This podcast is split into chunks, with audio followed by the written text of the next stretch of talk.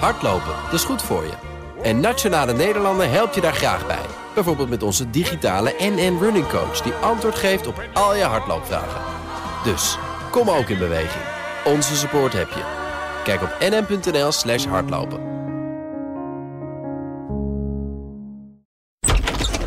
Wat, ik, ik wilde vragen, eh, geloven jullie nou nog dat eh, Vladimir Poetin echt van plan zou zijn om verkiezingen van de VVD-voorzitter te verstoren?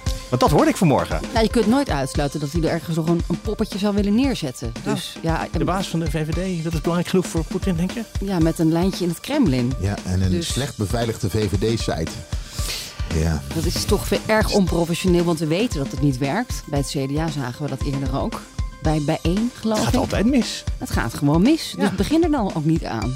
Gewoon met op, de hand opsteken. Ja, maar goed, Als we weten toch wel ja. dat eh Onno Hoes gaat winnen, toch? Dus in die zin, ja, waar ja. gaan deze verkiezingen eigenlijk over? Over Onno Hoes.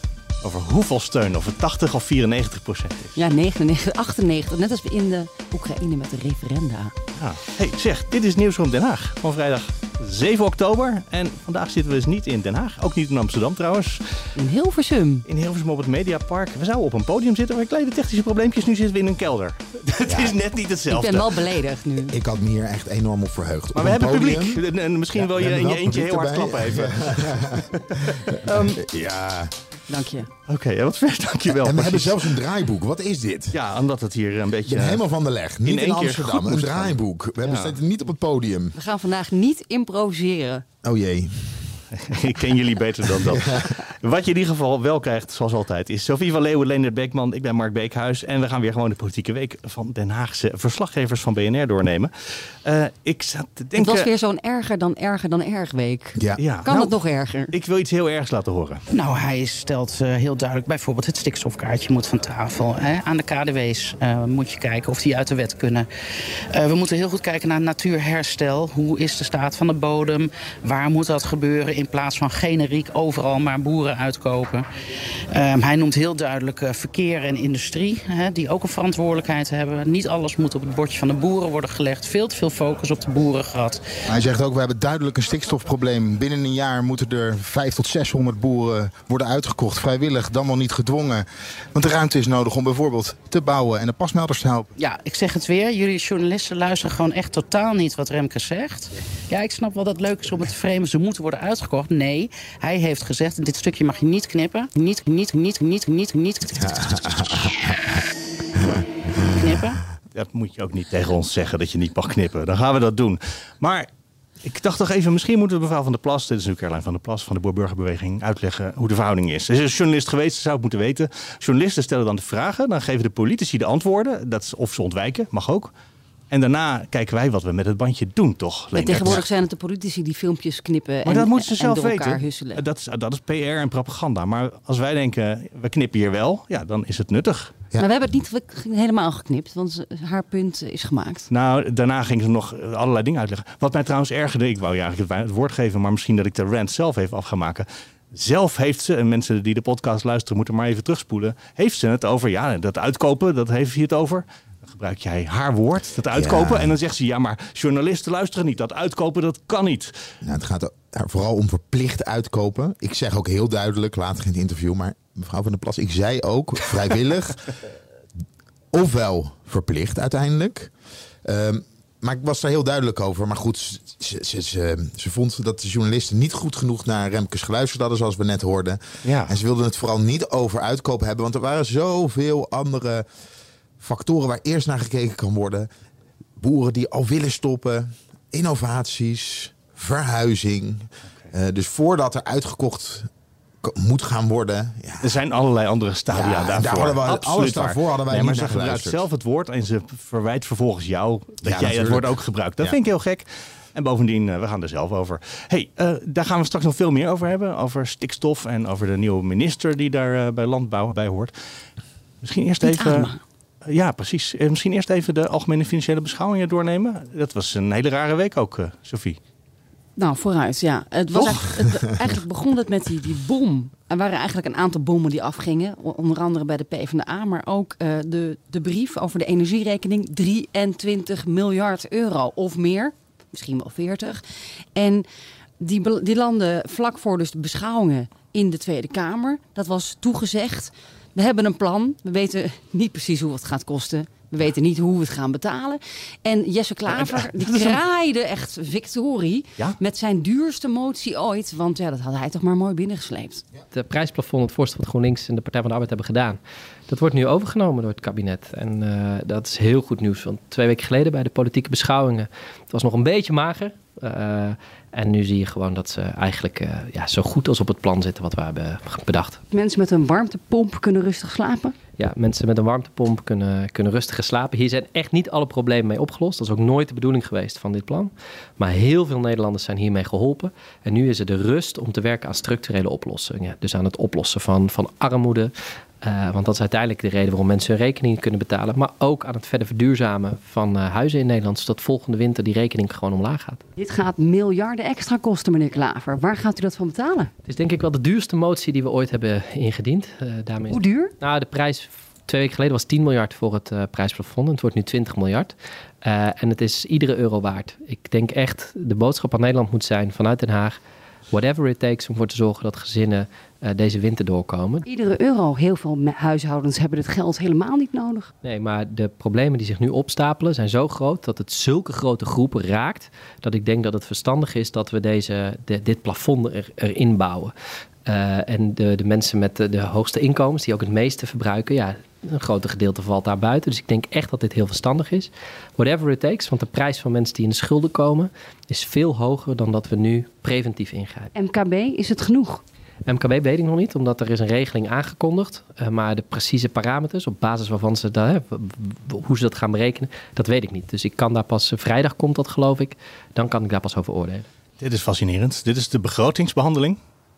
En allerlei dingen over de begroting weten we niet aan het begin van die dag. We weten eigenlijk helemaal niks. En dat bleek ook tijdens het debat uh, gisteren, dus donderdag, met Sigrid Kaag. De nieuwe minister van Financiën, die staat hier haar eerste begroting te verdedigen. En het is één grote gatenkaas. We weten niet hoeveel het kost. We weten niet wanneer en hoe we die rekening gaan betalen. Zal ik eerst nog even naar een dagje daarvoor gaan? Want toen begonnen ze met, want je hebt gisteren had je Kaag die antwoord gaf op de vragen. Maar de dag daarvoor, toen het debat bijna stond op het punt te beginnen. Toen liepen er al allerlei uh, mensen naar de microfoon en zeiden: uh, kunnen we dit debat wel hebben? En we beginnen, zoals het een goed gebruik is, met een aantal punten van orde. uh, ja, de heer Nijboer, PvdA. Ja, voorzitter, we hebben gisteren een aangepaste begroting gekregen, maar er zit een enorm gat in van, van, van, van, van 10, 20, misschien wel 30 miljard euro wat het prijsplafond kost. En dat niet is gedekt. En het kabinet zegt, daar komen we bij voorjaarsnota op terug, maar dat vind ik niet acceptabel. We bespreken vandaag de begroting voor volgend jaar en ik wil weten uh, hoe dat wordt gedekt. En het is ook belangrijk voor ons. Als, ik heb een tegenbegroting gemaakt met mevrouw uh, Matoeg. Uh, en wij hebben dat allemaal netjes gedekt. Maar als wij allemaal voorstellen kunnen doen en we kunnen tegen het kabinet zeggen, dekt u het maar bij voorjaarsnota, of we dekken het bij voorjaarsnota, dan hebben we een heel ander debat vandaag als dat tot de mogelijkheden behoort. Dus daar wil ik graag een reactie op en ik doe dit mede namens, namens de heer Van der Raan van de Partij voor de Dieren. Ik kijk straks even naar het kabinet of ze daar nu op willen reageren of morgen. Want dit is eerste termijn aan de kant van de Kamer. Ik kan ook de vraag doorgeleiden nu richting kabinet en dat het kabinet daar morgen op terugkomt. Ik wil graag nu een reactie. De heer Omzicht. Ja, voorzitter. Een begroting behandel je pas als de begroting hier ligt. En um, ja, ik wil gewoon weten hoe dit er precies uitziet. En het gaat niet om klein geld, het gaat inderdaad misschien om 20 miljard. De heer Van Wijnberg, D66. Ja, voorzitter, even op het verzoek van de heer Nijboer. Ja, volgens mij is dat nou precies een punt voor het debat. Uh, om het met elkaar te hebben. Um, ik lees in de brief overigens wel dat er ook een aantal dekkingsbronnen is. En de vraag is uiteindelijk, dat weten we nu gewoon nog niet, hoe de gasprijs zich ontwikkelt en of we misschien genoeg geld al hebben of dat er toch nog een tekort uh, is. Dus ik vind het een hele valide vraag van de heer Nijboer, maar volgens mij ook een typische vraag die we juist in dit debat vandaag kunnen bespreken. De heer Heijnen, VVD. Ja, voorzitter, gemakshalve sluit ik me daar volledig bij aan. De heer Asserkan, denk. Ja, voorzitter, ik vermoedde al uh, dat dat een beetje de opzet was van de coalitie, maar zo werken de begrotingsregels volgens mij niet. En ik, we hebben de vorige keer gezien bij de algemene politieke beschouwingen, omdat het kabinet haar huiswerk niet gedaan had, te laat kwam met het prijsplafond, is dat we ja, de hele dag, misschien wel twee dagen, als een soort brainstorm sessie voor het kabinet fungeren. Ik wil graag meedenken, maar wel op basis van voorstellen die uitgewerkt zijn en een begroting die gewoon sluitend is. Ja, dank u wel. Kijk ook even naar de heer Ginbis. Nou, voorzitter, dit lijkt me een prima onderwerp voor het debat. Mevrouw Inge van Dijk van het CDA. Ik vind dat we het nu in het debat moeten bespreken. Dank u wel. Ja, de heer Omtzigt, u had al wat vragen gesteld die ik heb doorgeleid. Ja, nou, maar voorzitter, even voor wat hier gebeurt. Het kabinet zegt, wij gaan het energieplafond doen. Dat kan 25 miljard kosten. Dat zouden we kunnen dekken uit... Ja, maar eh, ik ga u even onderbreken, ja, want we gaan nu wat meer de inhoud in. En het was een punt van orde. Dus ja, maar we- voorzitter, dit is een punt van orde. Ja, dat is het precies. Een punt van orde. Kan je een debat hebben als je geen eens een begroting hebt? Over dat debat. Ja. Eh, over die begroting bedoel ik. Ongelooflijk. Nou, het kan dus wel, want de coalitie had het mooi eh, afgestemd. En de Ja, er zit een patroon in, hè? Wie er tegen en wie er voor waren. Het is gewoon eh, Ja, ja, een heel duidelijk patroon zat, eh, zat daarin. alle ruimte voor Kaag. Mag ik het En schaamteloos noemen? En oude bestuurscultuur. Ja, de nieuwe mochten we niet meer benoemen. Maar is dit niet gewoon eh Nou, de nieuwe binnenkamertjes? bestuurscultuur is eigenlijk het probleem voor je uitschuiven. Want wat we weer zien, en wat we al heel vaak in Den Haag gezien hebben... en dat zie je, daar gaan we het zo meteen ook over hebben... ook weer bij het stikstofprobleem, met het jaartal... is dat er een gezocht wordt naar een tijd in, ergens in de toekomst... dit keer de voorjaarsnota... En dan gaan we het oplossen. En zo wordt het probleem vooruitgeschoven. En eigenlijk is het niet zo heel erg lastig als je dat gat in de begroting. Natuurlijk weet je niet wat het gaat kosten, maar je kan wel zeggen een richting van dekking geven. Dus ofwel we laten het in de staatsschuld lopen, of we gaan zoeken naar bezuinigingen. En dan kom je al snel uit bij de zorg, onderwijs, eh, veiligheid, hè, politie, noem het maar op. Ehm, of je gaat kijken naar vermogens. Wat ook een Ja, oh, er zijn allerlei plekken waar je het Maar kan dat vinden. kijken naar vermogens. En ik denk dat de tactiek om het naar het voorjaar te doen. dat dat heel duidelijk is. omdat er niet naar het IBO-rapport vermogens gekeken mag gaan worden in dit jaar. Nog Oké, niet. en IBO is een Nee, hè? maar volgend Maar- jaar bij de voorjaarsnota. kan je niet aan de knop belastingen draaien. Dus dan heb je alleen nog maar staatsschuld. en mogelijk belasting over. Ik denk dat sommige Kamerleden nu misschien gerustgesteld zijn hiermee, want die wilden helemaal geen bezuinigingen. Hoe ging Kaag hiermee om? Want dit waren haar eerste algemene financiële beschouwingen als minister van Financiën. Nou, die stond er als een volleerd diplomaat te vertellen hoe maar erg dat het is haar vak ook. in de wereld. Het is crisis. En eh, het ging natuurlijk over, het ging over Nord Stream. Het ging over, nou ja, we hebben geen idee hoe deze oorlog zich gaat Dit is ontwikkelen. zo'n unieke, extreme situatie. Dat was nog niet de bedoeling, maar... eh, Nou, mag best hoor. Ja, oké. Dit is zo'n unieke, extreme situatie dat het ook past om als overheid naast de mensen te staan en de bedrijven waar dat nodig is. En dan te zeggen, met de mogelijkheden die we hebben, we gaan dit zorgvuldig aflopen.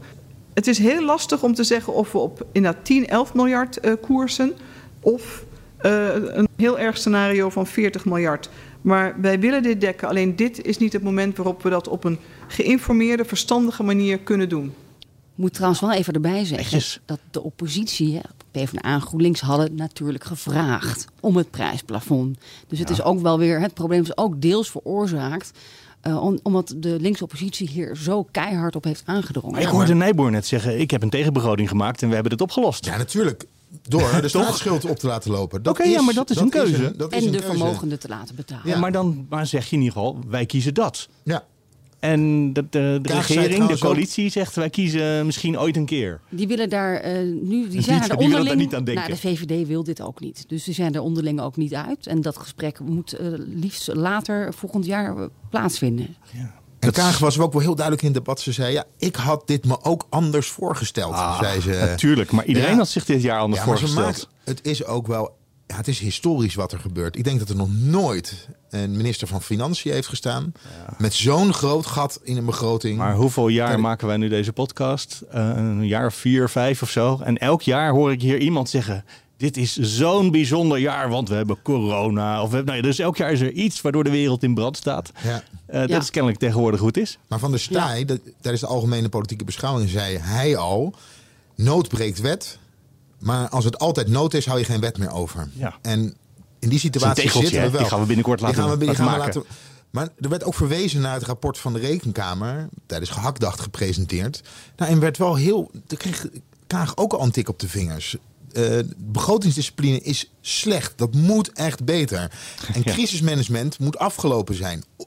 Ongedekte voorstellen, en dit is wel een heel groot, on, wat dat betreft historisch, heel groot ongedekt voorstel. Dat, dat kunnen we eigenlijk niet meer accepteren. En toen werd beterschap beloofd. En hier staan we weer, nog geen Nou, dan heb ik een eh, quoteje uit een, uit een radio-uitzending van gisteren, denk ik, van eh, Bas Jacobs, de econoom. Deze begroting zou ik niet als prudent eh, kwalificeren. Ik vind het eigenlijk macro-economisch niet heel verantwoord wat we nu doen. Nou, erg veel harder kan je niet een tik op de vingers krijgen, Wat toch? hij zegt, ik hoor achter de schermen, dus Bas Jacobs, eh, ambtenaren die, die gewoon geen idee meer hebben wat, wat er precies gebeurt, waar de beslissingen worden genomen, welke beslissingen, wat de gevolgen zijn. Die het gewoon niet meer bij kunnen houden wat er de afgelopen weken is gebeurd. En dus Dus dat hele ordentelijke begrotingsproces, waar Nederland altijd zo trots op was, dat, eh, dat is in de prullenbak verdwenen. Hm. En daar zijn hele grote zorgen over. Bijvoorbeeld, ehm, ja, als je kijkt naar het komend jaar ook, dan zien we, eh, we gaan naar een recessie toe.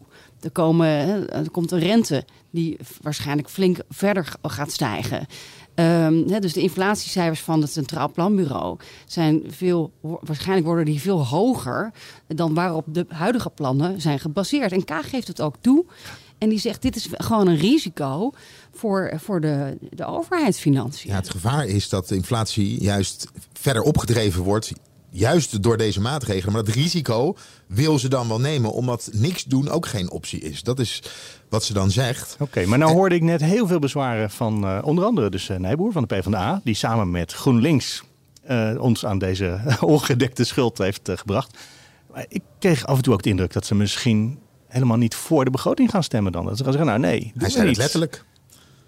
Ja, oké, maar dat kan ook wel bluff zijn in een vergadering. Ja. Het, is nog niet, het is nog niet de dag van de stemming, want dat duurt nog anderhalve maand. Maar is zou dat kunnen?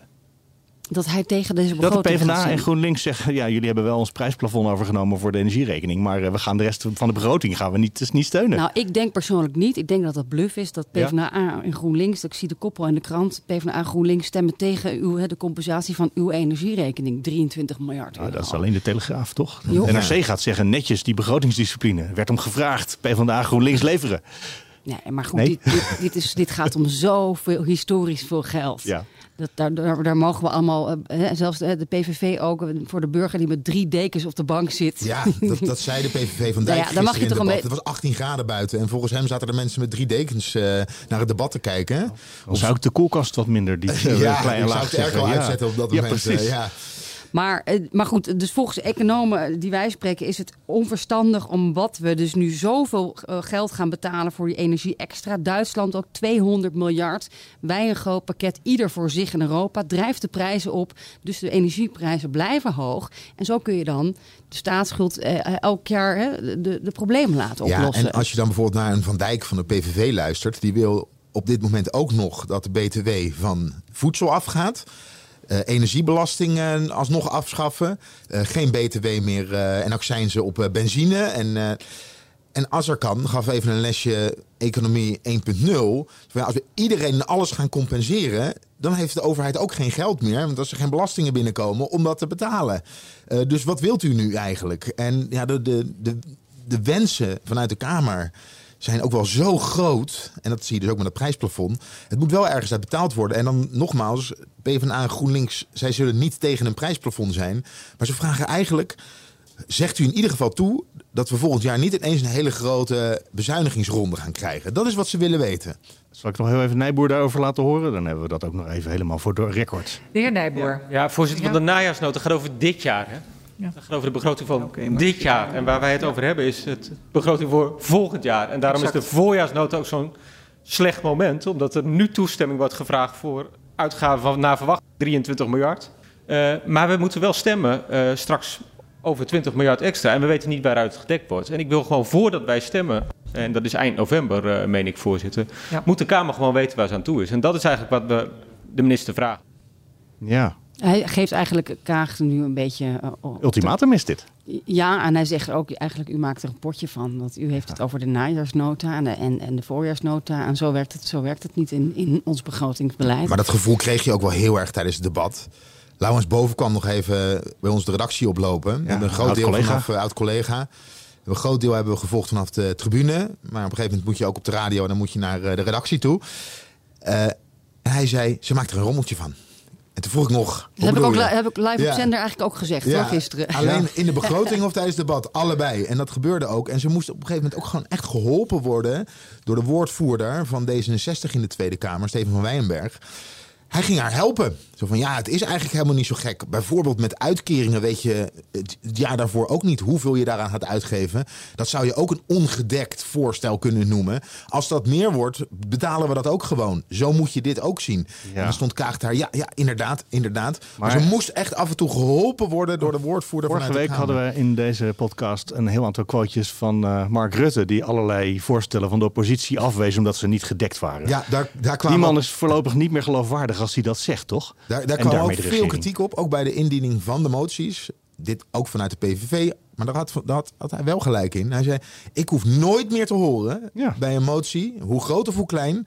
Ja, maar we kunnen, hem, we kunnen hem niet omarmen, want er is geen dekking. En toen gebeurde dat in hetzelfde debat. Zullen- ook nog even eh, Ja? eh, goed om te, te noemen, opvallend deze dagen. eh, De hele coalitie vindt het best oké of een optie om de staatsschuld te laten oplopen. Dus het zou gewoon zomaar zo kunnen. Wat vroeger altijd SP-geluid was.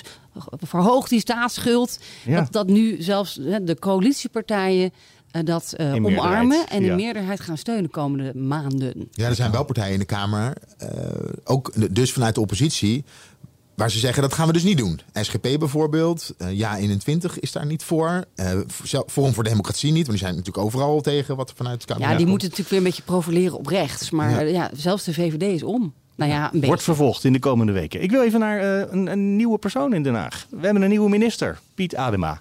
Ehm, ik heb een heel klein stukje over hoe enthousiast hij was dat hij die baan eh, gekregen heeft. Hij is eh, ongeveer, denk ik, op zijn knietjes gegaan, die Gert-Jan Segers. Van Piet, Alsjeblieft, alsjeblieft, laat me niet in de steek. alsjeblieft. Doe het voor het land, doe het voor de ChristenUnie, doe het voor mij. Denkt u nou werkelijk dat ik direct ja heb gezegd? de vraag was zeer indringend. En dat begrijp ik ook als je kijkt naar de grote opgave waar we met elkaar voor staan. En die vraag was ook voor mijzelf zeer indringend toen ik die vraag verwerkte en daarover na moest gaan denken. Het was zeer indringend voor mijn familie, voor mijn vrouw. Het was zeer indringend omdat, we ook naar Den Haag, eh, dat ik naar Den Haag toe moet, terwijl ik in Friesland woon en blijf wonen graag. En toch ben ik ervan overtuigd dat we met elkaar die stap naar voren moeten zetten. Om met elkaar samen te werken om die nieuwe toekomst voor de agrarische sector, om die te bouwen. En om daar rust en duidelijkheid en zekerheid aan die agrarische sector aan te geven waar ook de agrarische sector zo naar snacht. Wilt u boeren ook tijd geven? Meer tijd als het nodig is. Kijk, we hebben een coalitieakkoord. En u weet, woensdag komt dat eh, rapport uit van Remkes. Daar spreek ik u er graag weer over. Gaat u hier spijt van krijgen? Dat is een leuke vraag. Gaat u hier spijt van krijgen? Ik ben uiterst gemotiveerd om dit te doen. Het is een hele zware opgave. En ik, misschien realiseer ik me nog wel niet wat het allemaal precies voor mij betekent. En toch vind ik dat de sector verdient dat de bestuurders naar voren stappen. Die met de sector willen werken aan die toekomst. Hè? Die, van toekomst van zekerheid, van rust en duidelijkheid. Daarvoor ben ik uiterst gemotiveerd. En voor de rest zou ik zeggen, als kabinet de rit uitgezeten heeft aan het eind, na die twee jaar, komt hij dan eens terug en stelt hij me de vraag. Zo, het enthousiasme druipt er vanaf zeg. Ik had echt een beetje medelijden die- met Ja. die man. Hij stond op lange voorhoud. Hij stond daar dus bij de ChristenUnie die hem presenteerde. Vlak voordat hij naar de koning ging.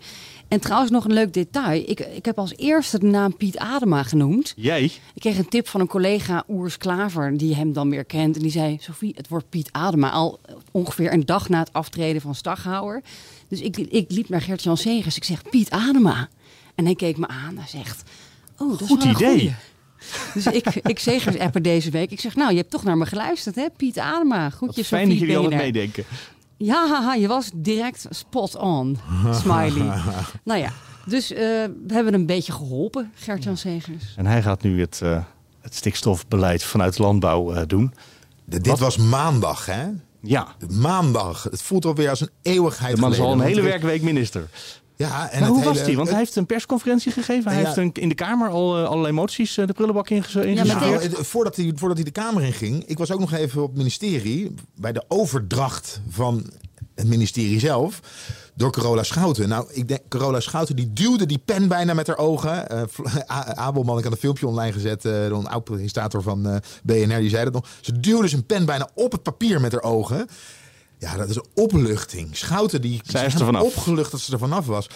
En voor Adema is de wereld ook echt veranderd. Want er is een heel nieuw eh, beleids, eh, een beleidsdocument gekomen waarmee hij aan de slag moet gaan. Het rapport van Remkes. Waar hij, en dat verbaast me echt, niets vanaf wist. Ik weet niet wat erin staat. Eh, dus ik ga kijken wat erin staat. En ik hoop van harte dat het rapport Remkes een aantal prachtige bouwstenen meegeeft aan ons als bestuurders en aan de sectoren. Om met elkaar samen te gaan werken aan die toekomst van zekerheid, van rust en duidelijkheid. Eh, maar ik ga het natuurlijk eerst wel beoordelen. Dus eh, u zult morgen ook niet een heel inhoudelijk oordeel van mij kunnen krijgen, omdat ik het rapport nog niet in heb gezien.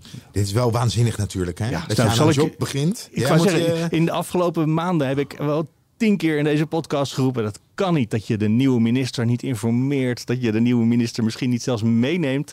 Eigenlijk had ik nog steeds, dat denk ik nog steeds, dat deze minister pas begint na het rapport. Want dan weet je waar je aan begint. Ik ben wel even gaan rondvragen, eh, ook bij de woordvoerders, hè, op het stikstofdossier. Wat, wat was er nou bekend van het rapport? Want dat Ietsje. kan ietsjes, ietsjes. En ook hè, bijvoorbeeld eh 2030 in de wet hè, of in de wet opnemen, maar die weegmomenten 25, 28, dat circuleerde al. Die verplichte uitkoop eh, van 500 tot 600 boeren, dat circuleerde al. Dat wisten de woordvoerders stikstof in de Tweede Kamer, wisten wel dat dat dat het die Maar kant de nieuwe minister die moet dat gaan regelen en die ja, wist dat hij- nog niet. Ja, ik denk dat hij, hij zal deze highlights ook wel gekregen hebben. Toch? Ja, want als je nu, dat rapport is Hij gepresenteerd... zegt net van niet, hè? Nee, de highlights. Hij heeft het rapport Oh. niet gelezen, zegt hij. Hij liegt Oké. niet. Niemand heeft het bijna gelezen. Het is wel behoorlijke achter, achter de schermen Hebben jullie het al uit? Ja. Nee, maar ik heb wel een echt een goede papier. poging gemaakt. Ja? Ja. ja, wij zijn samen gaan zitten. Zullen we gelijk naar de dag, naar de dag der dagen toe gaan? Daar zaten in Nieuwspoort en allemaal broodjes van Remkes en eh, koffie. En we werden echt totaal natuurlijk in de watten gelegd. En eh, dat, dat doe je als je natuurlijk een goede pers nodig hebt. En toen ging iedereen lezen. We kregen een uur de tijd. Dus Ja. wij, wij met z'n allen hup, het rapport door, hoofdstukken bladeren. Ja, en dan pak je allebei naar een... eh, Sophie, die, Sophie heeft gekeken naar de tijdslijn. 1, 3, Ik ben- 5 en jij hoofdstuk 2, 4, 6? Ja.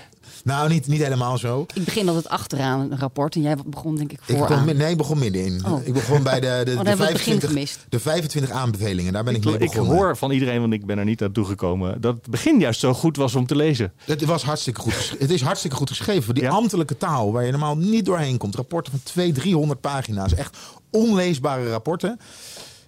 Eh, eh, het rapport van Remkes was echt goed leesbaar. Lekker snel om doorheen te komen. Maar wij waren ook gelijk, hè, om even op de inhoud, gelijk een discussietje. De uitkoop van boeren. Hè, die piekbelasters. is dat nou vrijwillig of het niet? rapport er even bij. Wat wel kan. Ik heb Ja, wat wel kan. Dat was gelijk een, Ja. Eh, wij waren gelijk in discussie. Ik zei, ja, er staat hier vrijwilligheid. Zo van, ja, maar dat is toch niet vrijwillig? We hadden gelijk een discussie daarover. ja. Eigenlijk Je is het nou het op wel of niet verschillende manieren lezen, hè? Ja, want ja, vrijwilligheid met zoveel dwang erachter, kan je dat nog vrijwillig noemen. Je mag zelf kiezen om eh, te stoppen of anders dan dringen we je. Ja, of circulair. Als je binnen een jaar uitstoot- niet ongeveer nul uitstoot hebt en je bent niet verhuisd, ja, dan gaan we je dwingen. Zoiets Ja, stond- als, dat je niet het. vrijwillig, Ja. als je niet vrijwillig eh, zelf weg wil. Ja. Oké. En dat is raar, want iedereen leek in ieder geval op de dag zelf heel opgelucht. We hebben het rapport, de kous uit de lucht, eh, de, Ja, de, de, de sfeer, boeren waren het blij. Was, het was ongekend in Nieuwsport. Alle Dan moet ik ook heel even kort een vergelijking maken met maandag. Maandag kwam het PBL-rapport, ook een belangrijk Ja. rapport. Planbureau voor de leefomgeving. Ja, het rapport was gelekt. ging over de uitkoop van boeren. Is dat nou wel of niet effectief? Zowel vrijwillige uitkoop als verplichte uitkoop. Ik zal er niet te diep ingaan. Werkt eigenlijk niet. Verplicht, omdat er allemaal juridische procedures gaan volgen. Dat gaat jaren duren. Vijf journalisten in de zaal. Vijf journalisten in de zaal, want het was gelekt. Dus niemand kwam meer. Wat ook vervelend is, want je hobbelt... Dan hobbel je zo achter het nieuws aan. Maar Ja. niemand was er. Remkes rapport niet gelekt. Nou, ik heb nog nooit zoiets gezien. Überhaupt niet bij persconferenties. De sfeer die er hing, maar ook de hoeveelheid mensen, Stamvol. Kamerleden. Er kwamen Ja. woordvoerders eh, van verschillende partijen. Toen wij het rapport kregen om 12 uur, want dat was tot 1 uur onder embargo. Dat rapport beneden ophalen om snel naar de fractie te lopen. Om het zelf ook te gaan lezen. Bewijst ook dat ze het nog niet hadden. Ja, de sfeer was ongekend. Ik stond eh, zelf- tussen ongeveer ehm, eh, Pieter Grimwis van de ChristenUnie, Van Haga, Caroline van der Plas, die, die ook de Persconferentie aan het filmen was. En nou, Tjeerd de Groot van D66. Jesse allemaal Klaver kwam tussen die kijken. camera's gepropt. Ik kon het bijna niet erbij. zien of horen, Remkes, want ik stond Nee. achteraan. Een beetje, eh, nou ja, de boel in de gaten te houden. Jij zat vooraan op een stoel. Nou ja, ik zat achteraan op de stoel, want ik moest nog live voor de radio. Ik dacht, ja, als ik je helemaal vooraan uit kunnen zitten, dan moet ik, er, dan moet ik eruit kunnen. Eh, Zal ik er gewoon een stukje laten horen? Ja. Ik heb eh, twee minuten meegenomen van Remkes. In de gesprekken ging het ook veel over menselijkheid, over emoties en soms ook over woede. Hoewel wetsovertreding en intimidatie altijd afgekeurd moeten worden, ben ik geschrokken van de oprechte wanhoop die in de ogen van redelijke mensen te zien is. Dat daar heftige emoties uit volgen, begrijp ik heel goed. Ik weet ook dat er vandaag vele individuele boeren met grote zorgen deze persconferentie volgen, als ze tenminste niet aan het werk zijn. Over de dieper liggende bron van die emoties en woede wil ik een paar dingen zeggen.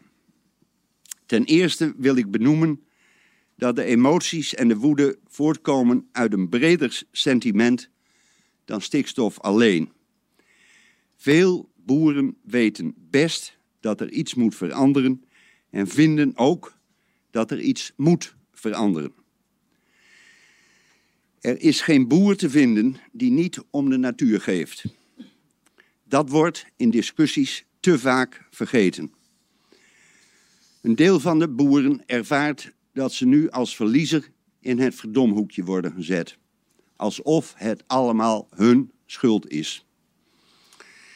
De agrarische sector, die natuurlijk in feite uit vele verschillende vormen van landbouw bestaat, heeft de afgelopen jaren te maken gehad met zwalkend en soms falend beleid. Een goed voorbeeld is het afschaffen van de melkquota in 2015, om daarna in 2017 de fosfaatrechten in te voeren. Het gevolg is dat veel boeren die na 2015 door overheid en financiers gestimuleerd werden om uit te breiden, nu met dure en grote stallen zitten waar niet voldoende dieren in gehouden mogen worden om rendabel te kunnen zijn. Dit soort voorbeelden voeden het beeld dat de overheid niet meer naast, maar tegenover hen staat. En wat ik dacht toen ik dit stuk hoorde, en zo, daarom heb ik ook dit meegenomen, is aan het beleid is niet zoveel veranderd. Maar Remkes is wel de eerste die zegt, ja, weet we hebben hele vervelende berichten voor jullie, maar we houden wel een beetje van jullie boeren en jullie hebben het moeilijk. En dat de boeren daarom misschien redelijk neutraal tot positief reageerden? Is dat ook een beetje Ja, jullie dat- eh, analyse? Als je naar het rapport kijkt, het is heel duidelijk. Er verandert niet zoveel. Het oude regeringsbeleid staat overeind, toch? Het staat recht overeind. Ja. Eh, de coalitie, ze stonden ook allemaal in de rij om als eerste te vertellen... ja, we hebben echt een tik op de vingers gekregen. We hebben echt, dat, dat was echt afgesproken voor eh, lijn. Het eerste wat we zeggen, we hadden het echt beter moeten doen. Empathische Empathie, we hadden empathischer moeten zijn. Het is onze fout geweest, niet van de boeren. En daar was ik het dus niet mee eens. Hè. De, nee, maar de conclusie... Nee, maar het is eh, qua ligt PR misschien wel van- een Ja, handig, het, is eh, veel, het is handiger, het is op een andere manier gebracht. Maar Van der Wal heeft zo vaak gezegd... het is niet de schuld van de boeren.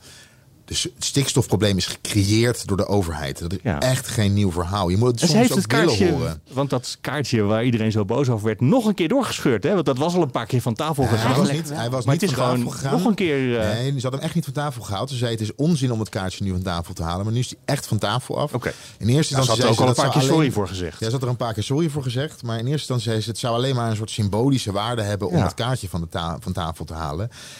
En dat is het ook, want dat kaartje is richtinggevend. Nou, daar kan je een hele discussie over voeren. Remkes zegt hij was te gedetailleerd. Ja, er moeten nog meer kaartjes gaan komen vanuit de provincie.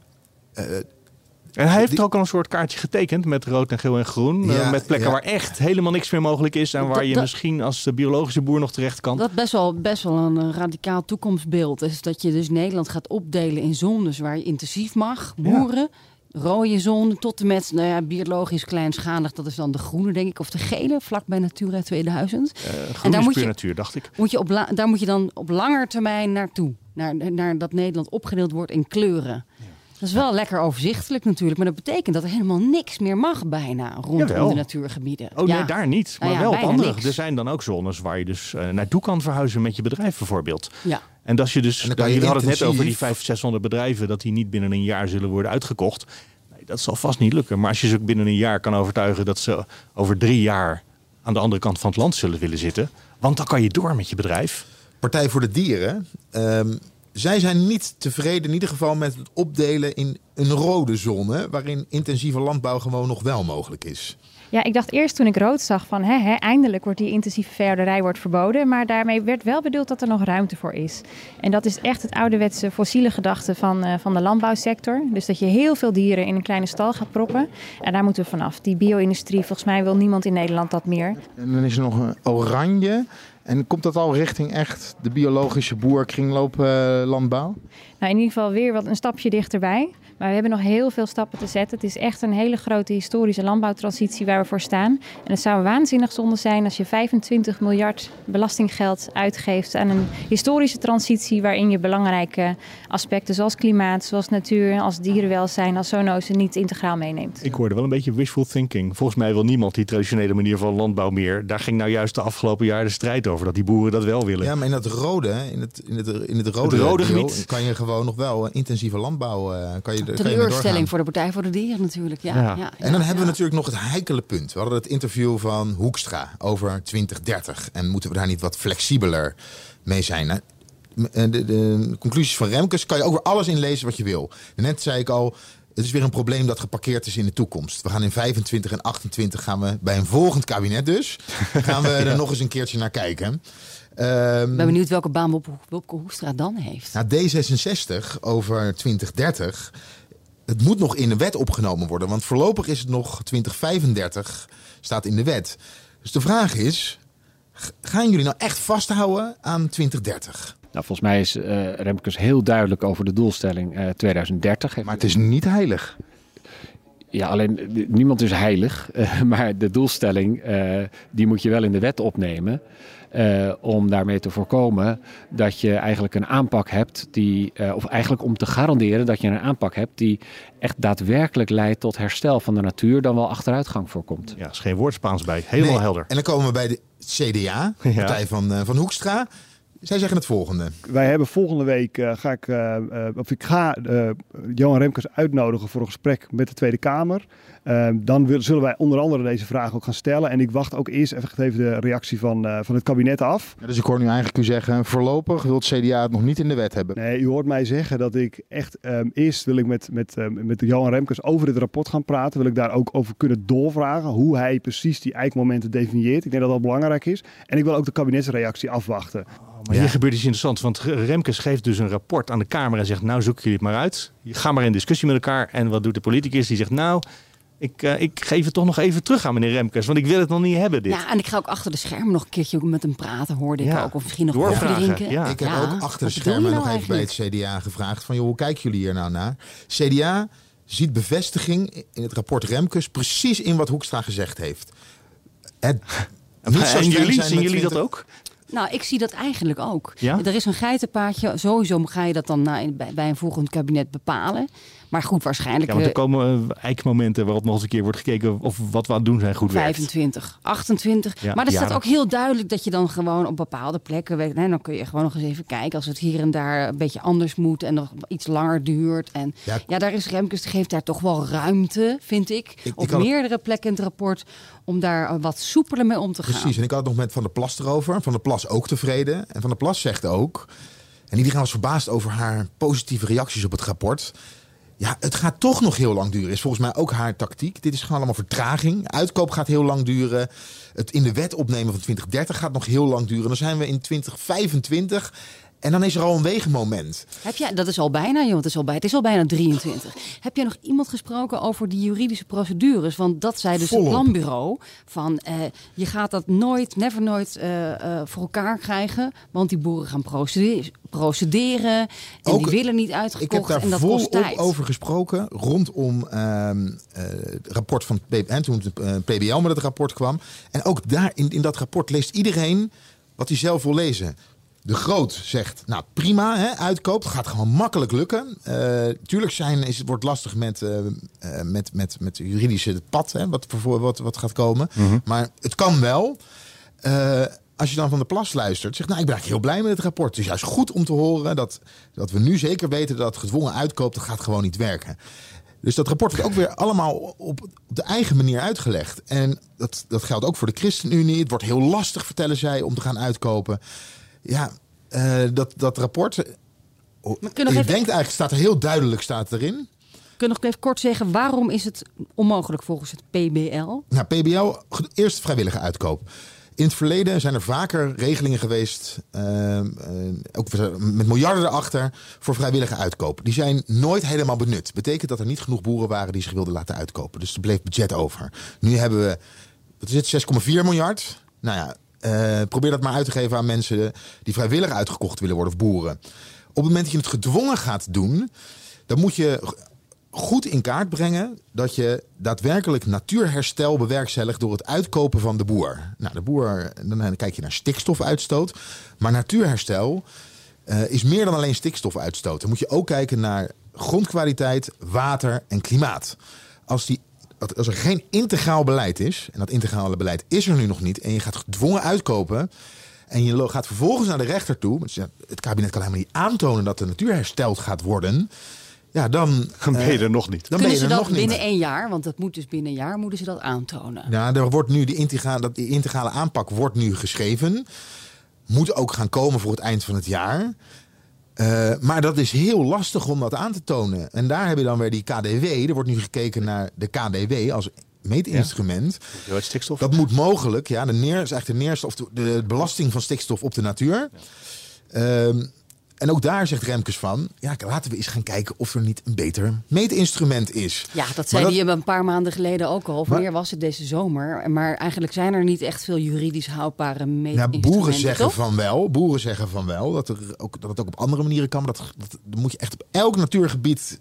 En moet je elke postzegel moet je gaan meten. Ook dan heb je een, een integraal beleid nodig. Waarin je ook naar die andere aspecten kijkt.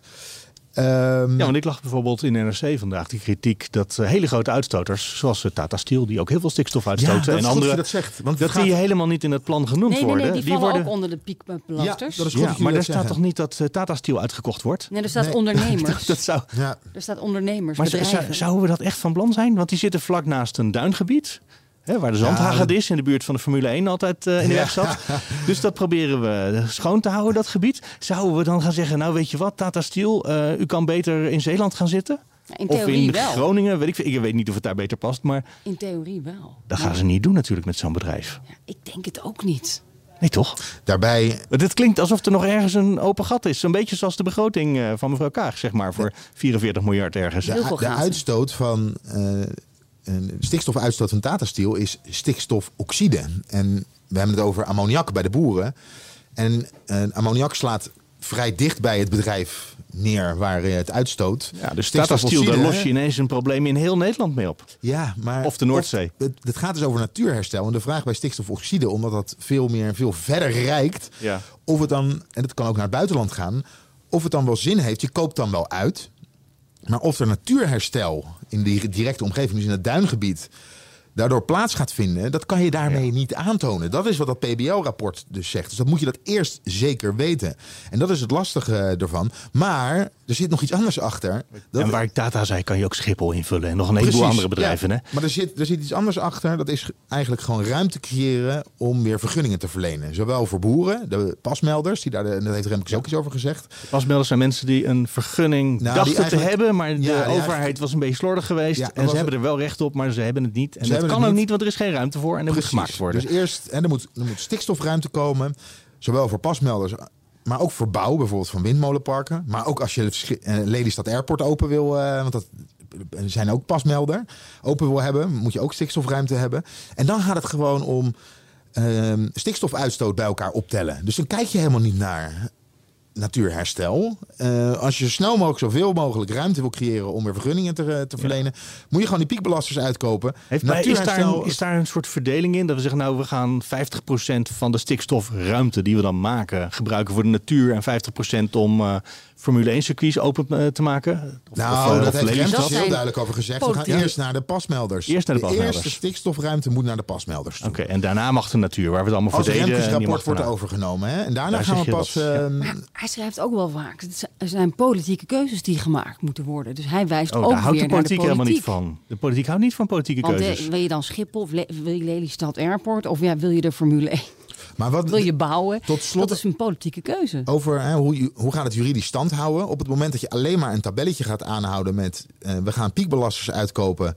en we kijken alleen naar hoeveel stikstof we dan reduceren... zonder naar het tu- natuurherstel te kijken... Ja. dan kom je dus in problemen bij de rechter. Want dan gaat de rechter vragen... dat wordt... ja, als jullie alleen maar dit aan het doen zijn om stikstofruimte te creëren... zonder dat je weet, want dat is het uiteindelijke doel... of de natuur wel herstelt, dan ga ik hier niet mee akkoord. Dat is het en het grote woord probleem. piekbelaster is ingewikkeld, want dat betekent niet per se dat je de grootste uitstoot van Nederland hebt, maar dat je dat hebt en in de buurt staat van een natuurgebied. Hè? Dus Ja, en- die link moet wel ook nog aangetoond worden. In Vlaanderen gebeurt het al trouwens. Hè? Dus eh, bij de Zijn ze ons weer zuidenburen. te snel af? Ja, en dus ik, ik zat er van de week ook nog eens Maar naar te kijken. Die hebben het wel. België Die, geen, geen stikstofprobleem, hoor ik. eh, Niet meer. Dat vinden de Vlaamse politici niet per se Nee, hoor. nee, dat dat nee, en het grappige is dat ze daar ook veel minder geld hadden. Dus ze hadden iets van 3,5 miljard uit mijn hoofd. Dus ze moesten wel de piekbelasters uitkopen. Want het was de enige manier om het binnen dat budget voor elkaar te krijgen. En wij hebben natuurlijk wel meer geld opzij gelegd. En het gekke wat de is- discussie ook weer ingewikkelder maakt. Ze doen dat met een minister. Eh, die niet populair is bij de boeren, maar wel in de rest, hè, vanwege haar daadkrachtige beleid. In de rest van België. En wij hebben ook een daadkrachtige stikstofminister. Die, en zij Ja. zegt gewoon, nou, hè, weg met, de Nou ja, met die... Stikstofkaartje. Ja, ik, ben het daar, ik blijf het daar niet mee eens. Met het- maar ja, dit hebben we vaker, eh, vaker, eh, besproken gedaan, hier. ja, ja. Succes Piet Adema. Ja, precies. Bij deze. Oh, daar begonnen we, hè, bij Piet Anema. Ja, en hij kreeg ook felicitaties tijdens zijn eerste twee minuten debat over mest. En ook nog even één ding daarover. Eh, hij, hij wees consequent naar, naar de eh, eh, Europese regels. Dus daar gaan we niet van afwijken. Ik ga niet heronderhandelen. En alle moties van onder andere Caroline van der Plas... die gingen de prullenbak in. Eh, dus niet oordeel Kamer, maar... eh, Prullenbak gewoon. Ja. En van Mest is het een klein stapje naar de PvdA. Mag je dat zeggen? Nou, die is daar wel een wel op het ogenblik. gegooid, dat kunnen we Ja, dat op zijn minst. Die hebben hun absolute dieptepunt bereikt deze week. Je denkt altijd in Den Haag kan het nog erger. Nou, het, het, Ja hoor, ook ze bij hebben de PvdA. gedaan. Het kon nog erger. Eerst ging mevrouw Ariep weg vanwege ja, problemen met haar functioneren, zeg maar even. Of klachten daarover, die nog uitgezocht zullen... klachten. In, in- eigenlijk al heel lang. Ook binnen de PvdA, binnen de Tweede Kamer. Eigenlijk was het een beetje een publiek geheim. Toen ontstond er een gigantische eh, discussie in de media... waarin Vera Bergkamp de schuld kreeg. Eh, want eh, zij had de dolk in de rug van Ariep gestoken. Maar waarom moest dan daarna meneer Nijboer uit het presidium? Dus dat is het bestuur van de Tweede Kamer. Want dat, dat snapte ik nog niet helemaal, die link. Ja, hij, zegt ik kan niet meer functioneren in het presidium, in, in, het dagelijks bestuur. Alles wat ik doe wordt politiek gemaakt. En ehm, hij, hij heeft er ontzettend van langs gekregen, ook binnen zijn partij. In de, in, hij is beschadigd eigenlijk in de publieke opinie. Artje Kuiken natuurlijk ook, de, de, de nieuwe nummer 1 van de PvdA. En ehm, hij zegt, eh, ik trek me terug. Het is voor mij onmogelijk geworden om eh, nog effectief te functioneren in het eh, presidium. Omdat ik elk, elk besluit dat daar wordt genomen, wordt, wordt er gevraagd: wat vind je als PvdA? Terwijl ik daar zit eh, voor het algemeen belang. En dat zal de komende tijd zo blijven. En daarom vind ik het in het belang van de Kamer om terug. Wat heeft u over u heen gekregen de afgelopen dagen? Er zijn natuurlijk heel veel mensen eh, heel boos over hoe het gegaan is eh, vorige week. En daar hebben ze groot gelijk in. Want eh, informatie die vertrouwelijk was en die over Khadija Riep ging, is op straat komen te liggen. En dat is schandalig. En ze heeft het ook nog uit de krant moeten vernemen. Dus daar is men woest over. En dat snap ik helemaal. Dat ben ik zelf ook. De dolken in de rug van Ariep, want zij voelt zich door u in de steek gelaten, bedrogen. Had u haar moeten informeren? Ja, ik heb echt eh, in het algemeen belang eh, gekeken naar welke meldingen zijn er gekomen. Eh, wordt dat gesteund door het management? Wat is er allemaal voorgevallen? En ik vind dat daar aanleiding voor is om dat goed te onderzoeken in het belang van de medewerkers van de Kamer. En daar sta ik ook nog steeds achter. Daar stond ik vorige week ook achter. De PvdA is al zijn kopstukken kwijtgeraakt. Hoe moet het nu verder met uw partij? Nou, we gaan altijd weer vrolijk door, maar het, het vergt wel een paar dagen om hiervan bij te komen. We hebben een grote klap gekregen. Vrolijk gaan ze altijd weer door. Zei hij dat echt? Ik vroeg hem ook nog, ja, was het op dat moment niet vrolijk? De dag erna bij de beschouwingen vond ik hem weer best vrolijk als van ouds, eh, als financieel woordvoerder. Bloemen wil eh, niet terug, eh, begreep ik van Nijboer. Ja, Oké, als Kamerlid in, op Want de plek moet, van Ariep. moet je weer kijken wie staat er bovenaan de lijst. En op één was dan Ploemen. Die had iets van 400.000 voorkeurstemmen. Nou, die wil niet. Nou, Ariep was nummer twee natuurlijk. 50.000, bijna één zetel is zij waard. 50.000 voorkeurstemmen. Is weg. Wil ook niet meer. Nijboer zelf is nummer drie. Dus die is nu de hoogste eigenlijk op de lijst. Met eh Adje Kuiken. En eh, toen vroeg ik Gijs van Dijk. Weet je nog? Die jongen Oh ja. die er onlangs is weggestuurd. Dat was de vorige, voor Ariep. Die, Ja, eh, ook grensoverschrijdend Zo'n onderzoek. Ja, maar dat was een privé kwestie. Dus daar was heel veel discussie over. Van is het nou, hè, waar, waar gaat het nou eigenlijk over? oh, Dat zou je- die terug kunnen komen? Nou, die kan dus nu terugkomen. Maar dan moet de PvdA moet hem wel omarmen. Hè? Want hij Maar gaat niet als eenmansfractie door. Dat had hij de vorige keer beloofd. Maar er loopt een onderzoekje nog naar hem. Of het nou niet een beetje onterecht was wat hij vindt. Dat hij eruit moest. En dat is binnenkort afgelopen. En dan is er, ligt Is er dat een- op tijd klaar? Want hij moet binnen een bepaalde termijn moet hij nu ja of nee tegen zijn eh, kamerzetel zeggen, toch? Ik begrijp dat dat mogelijk uh, dat het snel klaar is. Oh, dus ik heb nog even geappt met hem. Echt hele nare politiek is, dan vertragen ze een beetje. En als ze graag terug willen, dan versnellen ze een nou, beetje. ze kunnen hem goed gebruiken. Want uh, Ja, de, de, de hij was populair. De pensioenwet is ook net eruit gesteld. En het is een, een, een zooitje. Ik zag ook dat PvdA en GroenLinks allerlei pensioen experts hebben uitgenodigd Ja. deze week om hen toch bij te praten van moet, wat moeten we met die wet? Want dat was de portefeuille van Gijs van Dijk. Die heeft daarover onderhandeld met Wouter Koolmees heel erg lang. Dus ze hebben ook gewoon bijna geen kennis, kennis meer in huis. in de fractie. Dus ik zou zeggen, haal die jongen terug. Eh, Die weet alles van werk, arbeidsmarktproblemen. eh, kan goed dealen met de coalitie, wat de komende tijd natuurlijk absoluut aan de orde is. En als, die, eh, Koopkracht. Als hij nee zegt, doen. wie staat er dan daarna op de lijst? Of is dat, eh, moeten we dan zo ver de Ja. lijst af Ook dat het onbekende namen zijn? Eh, Kirsten van Hul, van Hul, die heb ik ook nog geappt, maar die reageert niet. Die schijnt een nieuwe baan te hebben. Die was er dus net niet in. Dat vond ze jammer, maar die heeft haar leven opgepakt en gaat verder met haar Ja. leven. Ja, zo kun je de hele lijst afwandelen, maar dat zien we dan over een paar weken wel. Maar negen Kamerleden, hè? En er Negen zijn wat? negen Kamerleden. De per za- de nou, fractie. in Acht de fractie. Ja, maar ze hebben, er, ze hebben negen zetels. Er zijn er al drie weg. Ik vroeg... Wat een zootje. Wat een zootje aan Adje Kuiken. Is er structureel iets aan de hand bij de Partij van de Arbeid? Want in een jaar tijd hebben we de zaak Gijs van Dijk gehad. Is de partijleider opgestapt. Nu Ariep. Henk Nijboer moet, gaat weg uit het presidium. En wat is er aan de hand bij de Partij van de Arbeid? Nou, u schetst een aantal hele trieste gebeurtenissen waar ik ook niet blij mee ben, ook niet trots op ben. Maar juist dat gesprek ga ik zaterdag ook met onze leden aan. Hoe dit soort dingen gebeuren, wat we daar voor de toekomst van moeten leren en hoe we dat beter eh, kunnen eh, doen. U gaat het gesprek aan omdat u zelf ook vindt dat er iets mis is binnen de Partij van de Arbeid. Ik ga het gesprek aan omdat ik me aantrek, omdat een gewaardeerd Kamerlid, die dat 24 jaar voor ons heeft gewerkt, zich onvoldoende door mij gesteund voelde. En daar wil ik tekst en uitleg over geven. Eh, en gelijktijdig kun je natuurlijk daarna ook het gesprek met elkaar voeren van wat kunnen we hiervan leren en hoe kunnen we dat beter doen. En dat verwacht ik ook namelijk dat de Kamervoorzitter dat gaat doen, dat het presidium dat doet. Eh, en dat we met elkaar een cultuur gaan creëren van veiligheid eh, voor iedereen. En want dat is op dit moment niet aan de hand. Ja, maar toch nogmaals, in nog geen jaar tijd. Drie keer in ieder geval een, eh, een groot evenement dat we hier met elkaar staan. U wilt hier toch staan met, met eh, een plan plan van aanpak en niet elke keer met een rel. Daarom moet ik er ook van leren. U weet dat ik net een half jaar er ben. Het doet mij ontzettend veel verdriet. Ik vind het heel pijnlijk als ik zelf dingen niet goed daarin doe. Eh, dus ik probeer daarvan te leren. En ik hoop dat de hele Kamer dat eh, met ons doet. En met tranen in de ogen stond ze daar. Je hoort het. Geëmotioneerd. Ja, maar dat snap je toch ook? De hele is- partij dondert in elkaar. Of is dat een te hard geformuleerde nee, tekst? helemaal niet. Want op het moment dat dit als, dit, als dit zou gebeuren bij een partij als Forum voor Democratie... of zometeen als de Boer-Burgerbeweging met eh, een grote fractie de Kamer in komt op LPF. Ze hebben toch LPF-achtige toestand. Dit zijn LPF-achtige toestanden bij eh, de Partij van de Arbeid. Alleen omdat een Andere partij is, mechanismen, wordt, er- maar- wordt er anders mee omgegaan. Maar het is gewoon een puinhoop. Zo simpel is het. En bij andere partijen zouden ze dit misschien onder het tafelkleed proberen weg te vegen. En de Partij van de Arbeid vindt het ook wel fijn om dit aan iedereen te laten zien dat ze net- netjes afhandelen. Ja, die willen een veilige dus werksfeer, maar het is helemaal geen veilige werksfeer. En het gaat, er ook, hoort. het gaat ook de hele tijd over hè, veiligheid of onveiligheid, waardoor iedereen zich volgens mij onveilig voelt bij die partij. Of, ik, soms denk ik ook wel eens, misschien gaan jullie te ver in je, in je woke beleid. Dat je, dat je ik weet, Vind je ik de weet het PvdA niet. ook? Maar dat, dat zijn niet jouw woorden. voel jij je wel veilig? Ja, ik denk dat er andere mensen zijn in de Kamer die, Nou, het is wel... eh, die daar ook voor een aanmerking in de zouden tijd kunnen dat komen. Opstelten nog op justitie zat, die ging ineens heel hard optreden tegen allerlei onveilige situaties in Nederland. En daar ging heel Nederland zich onveiliger van voelen. dus het Ja. is inderdaad een mechanisme wat bestaat als je er te veel mee bezig We bent. moeten het er niet meer over hebben. Vorige Gewoon week over- idealen, terug naar die oude idealen. Maar jij hebt nog verteld dat Ariep ook wel eh, gevoelens van onveiligheid kan... Ja. Maar dit weekend is er toch een PvdA-congres? Dus Ja, daar zullen ze het er vast wel weer over Ja, hebben. het is een ledenbijeenkomst. Oh, een leden, nou ja, goed, maar dan zitten ze toch met z'n allen in een zaaltje. Maar dan zullen ze hier wel weer over hebben.